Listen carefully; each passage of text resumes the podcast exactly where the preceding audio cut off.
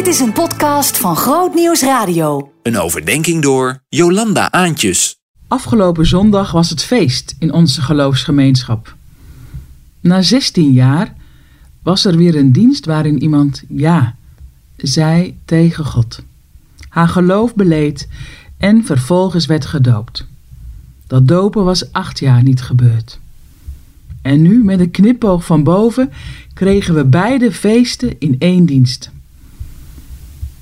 Sommigen reageerden met: Je gebeden zijn verhoord, bidden helpt. Dit omdat ik sinds Pinksteren 2022 juist om zo'n dienst bid. En na 532 dagen, 76 weken, gebeurde het. Ik zal eerlijk zeggen, ik weet nog steeds niet goed wat ik hierop moet zeggen. Ligt dat nu aan het gebed? Is God daardoor in beweging gekomen, zo van: Oh, de pastor van Hal trekt aan de bel. Wat? Zelfs iedere dag hoor ik dat gebed. Laat ik er maar wat aan doen. Ik weet het niet. Wat ik wel heb ontdekt, dagelijks bidden verandert allereerst de bidder.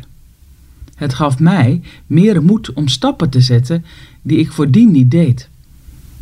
De Romeinen 12, vers 12 zegt: Wees verheugd door de hoop die u hebt.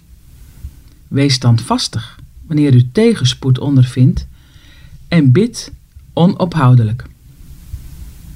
Het bidden gaf mij moed om ondanks subtiele tegenstand, vaak door zinnen als: Nou, moet dat nou?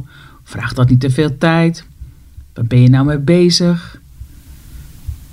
Het bidden gaf mij moed om desondanks het vol te houden, door te gaan. Met bidden en met, in mijn situatie, het organiseren van een Alpha-cursus. En op die cursus kwam een dorpeling van 60 jaar, die altijd met geloven en God bezig was. Die meer opwekkingsliederen kende dan de Halse kerkgangers.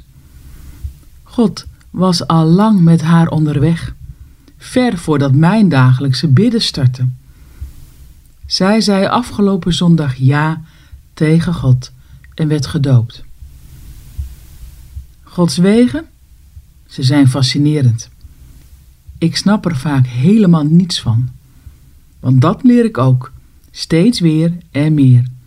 Bid onophoudelijk en vertrouw op God. Laat het los in Gods handen. Want Hij gaat wegen met mensen zonder dat daar een geloofsgemeenschap bij betrokken is. De Heilige Geest trekt mensen nog steeds naar zich toe.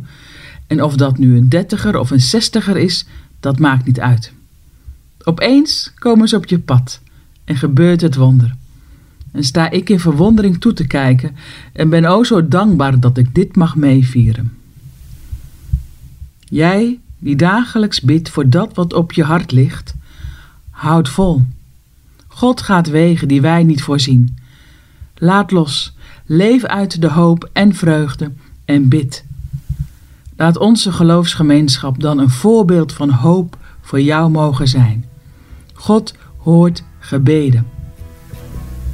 Eer aan de Vader en de Zoon en de Heilige Geest, zoals het was in het begin en nu en altijd en in de eeuwen der eeuwen.